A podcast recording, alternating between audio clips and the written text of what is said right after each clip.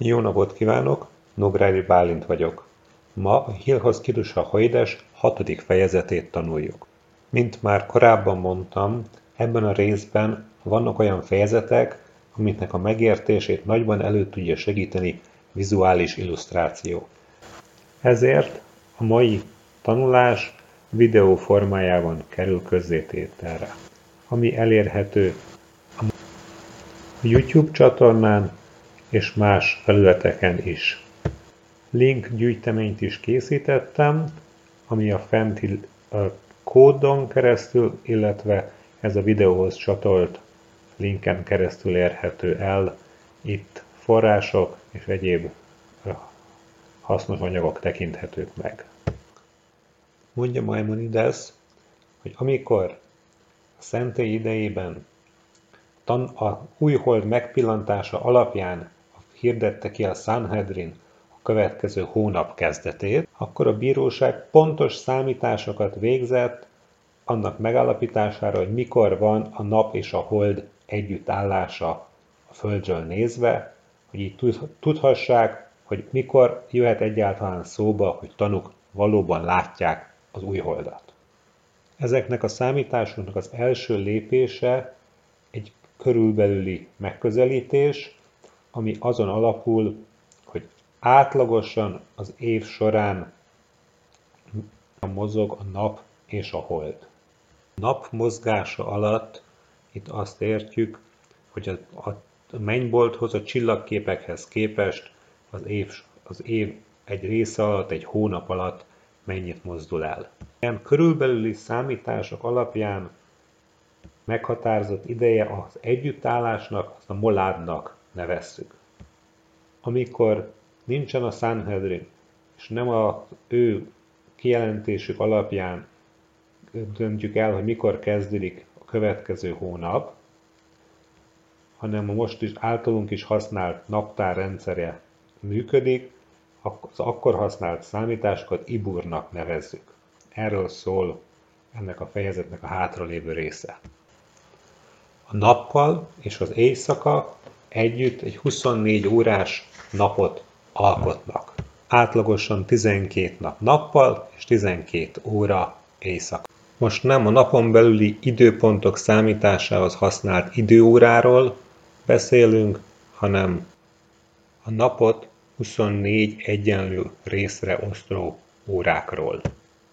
Mint a képernyőn már látszik is, Maimonides egy órát nem az általunk ismert 60 percre, és esetleg azt további 60 másodpercre osztja, hanem 1080 részre. Így három ilyen rész tesz ki 10 általunk ismert másodpercet. Ez az 1080-as szám pusztán praktikus okokból lett választva, mert ezzel könnyű számolni, osztható 2-vel, 4-jel, 8-al, 3-mal, 6-tal, 9-el, 10-zel. Érdekesség, hogy az időt általunk ismert módon 60 részekre osztását Abu Rayyan al-Biruni 11. század első felében, azaz Maimonides körülbelül 100 évvel megelőző iráni bölcs vezette be a zsidó hónapok tárgyalása kapcsán. Tehát ugyanaz a téma kapcsán, amivel mi most foglalkozunk. Vele szemben, vagy tőle függetlenül Maimonides az órát ennek az 1080 részre való osztását választotta. Talán érthető, hogy miért is a 60 részekre osztás vált népszerűvé. Maimonides azzal folytatja, hogy meg kell állapítsuk, hogy mennyi idő telik el a Földről nézve a hold és a nap egyik együttállásától a következőig. Képzeljük el, hogy a Föld ennek az ábrán látható piros körnek a közepén van, és onnan nézzük, ahogy a nap a piros kör mentén halad, és annál a Földhöz közelebb, a hold egy másik kör mentén halad körbe. A hold útján lévő osztások a napokat jelölik, míg a nap útján lévő osztások egy-egy hónapot. Nézzük meg még egyszer. az animáció elején és a végén a Földről, kör közepéről nézve együtt van a hold és a nap. Az ábra közepén a számok az idő múlását jelölik, a nap, az óra és a részek kimutatásával. Mint látjuk, két együttállás között 29 nap, 12 óra és 793 rész telik el. Ez egy hold-hónap hossza. Ennek a résznek ez az alapja. Tehát egy hold-hónap 29 nap, 12 óra, 793 rész. Más szóval kicsit több, mint 29 és fél nap. Tovább menve, itt a mostani ábrán azt látjuk, hogy milyen hosszú egy teljes 12 hónapos év. Ez az idő alatt a hold 12-szer megy körbe a föld körül, és a nap majdnem teljesen visszaér a kiindulási pontjára, hiszen a hold év, egy 12 hold hónapból álló év kicsit rövidebb, mint a napév. Így a zsidó naptárnak egy éve, egy sima 12 hónapos éve 354 napból, 8 órából, 876 részből áll, ahogy azt az ábrán látjuk. Egy napév az 365 nap és körülbelül 6 óra.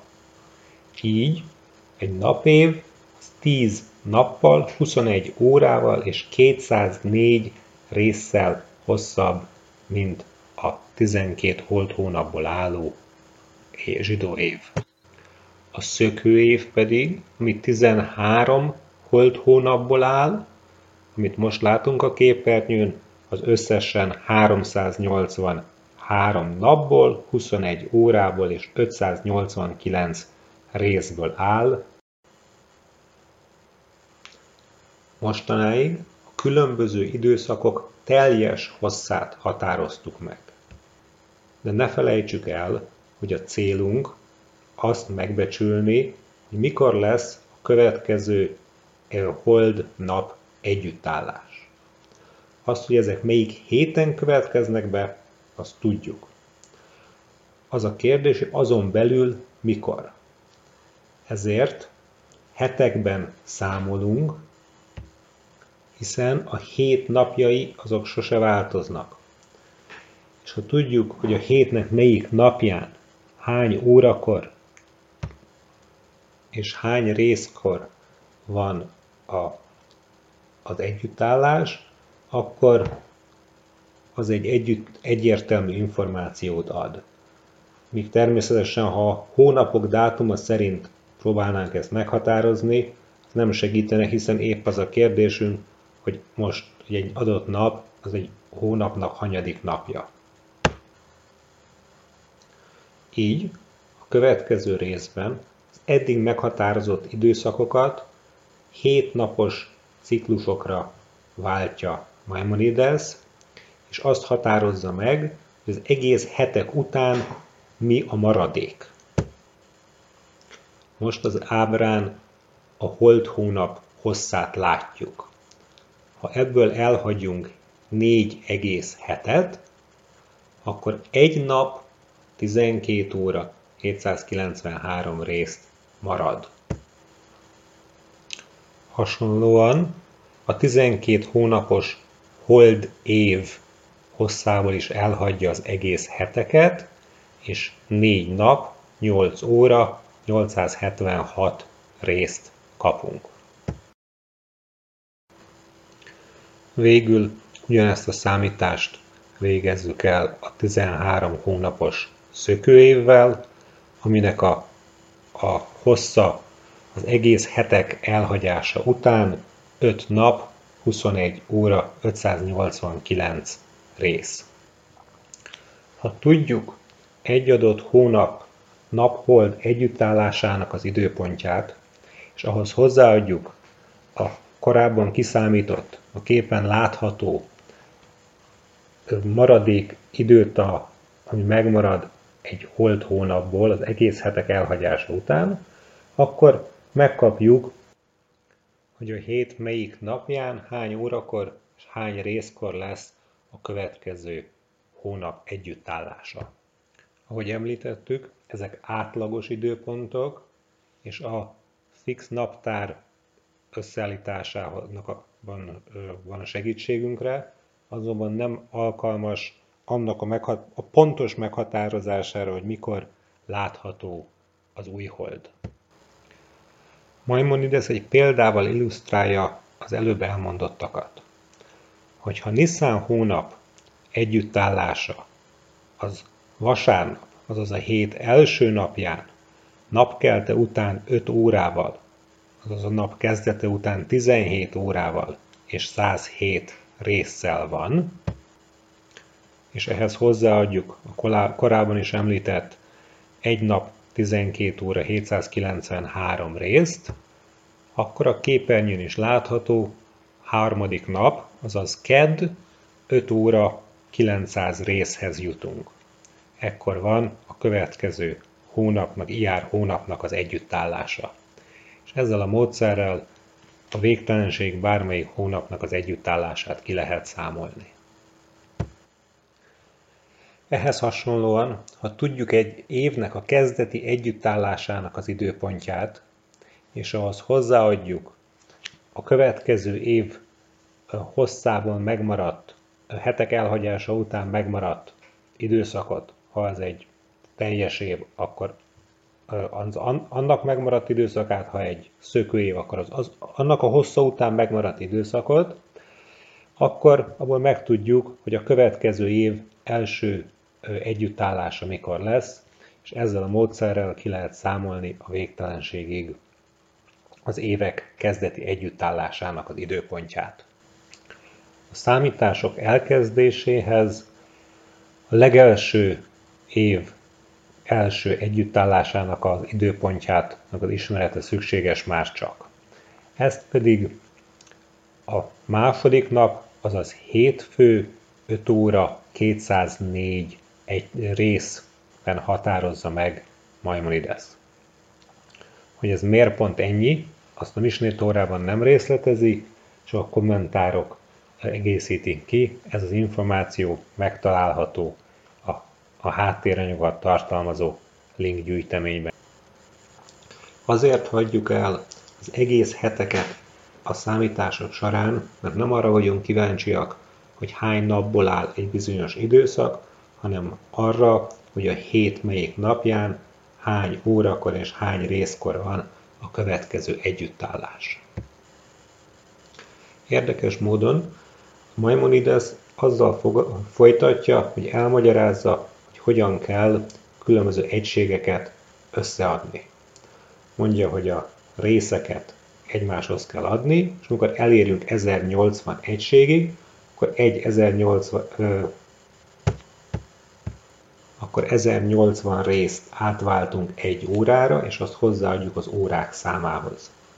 Hasonlóan, amikor az órákat adjuk össze, és eljutunk 24 óráig, azt átváltjuk egy napra, és azt hozzáadjuk a napok számához. És így folytatjuk a számításokat. És a napok száma, amikor meghaladja a hetet, vagy hétnek a többszörösét, akkor azokat elhagyjuk, az előbb magyaráz, elmagyarázott okból, és csak a maradékra koncentrálunk. Most áttér Maimonides a naptár ciklusának a részleteire. Azzal folytatja, egy 19 éves ciklus, ben 7 szökőév és 12 szokásos év van. Ezt hívják Mahzornak. Miért pont ezt a struktúrát választották?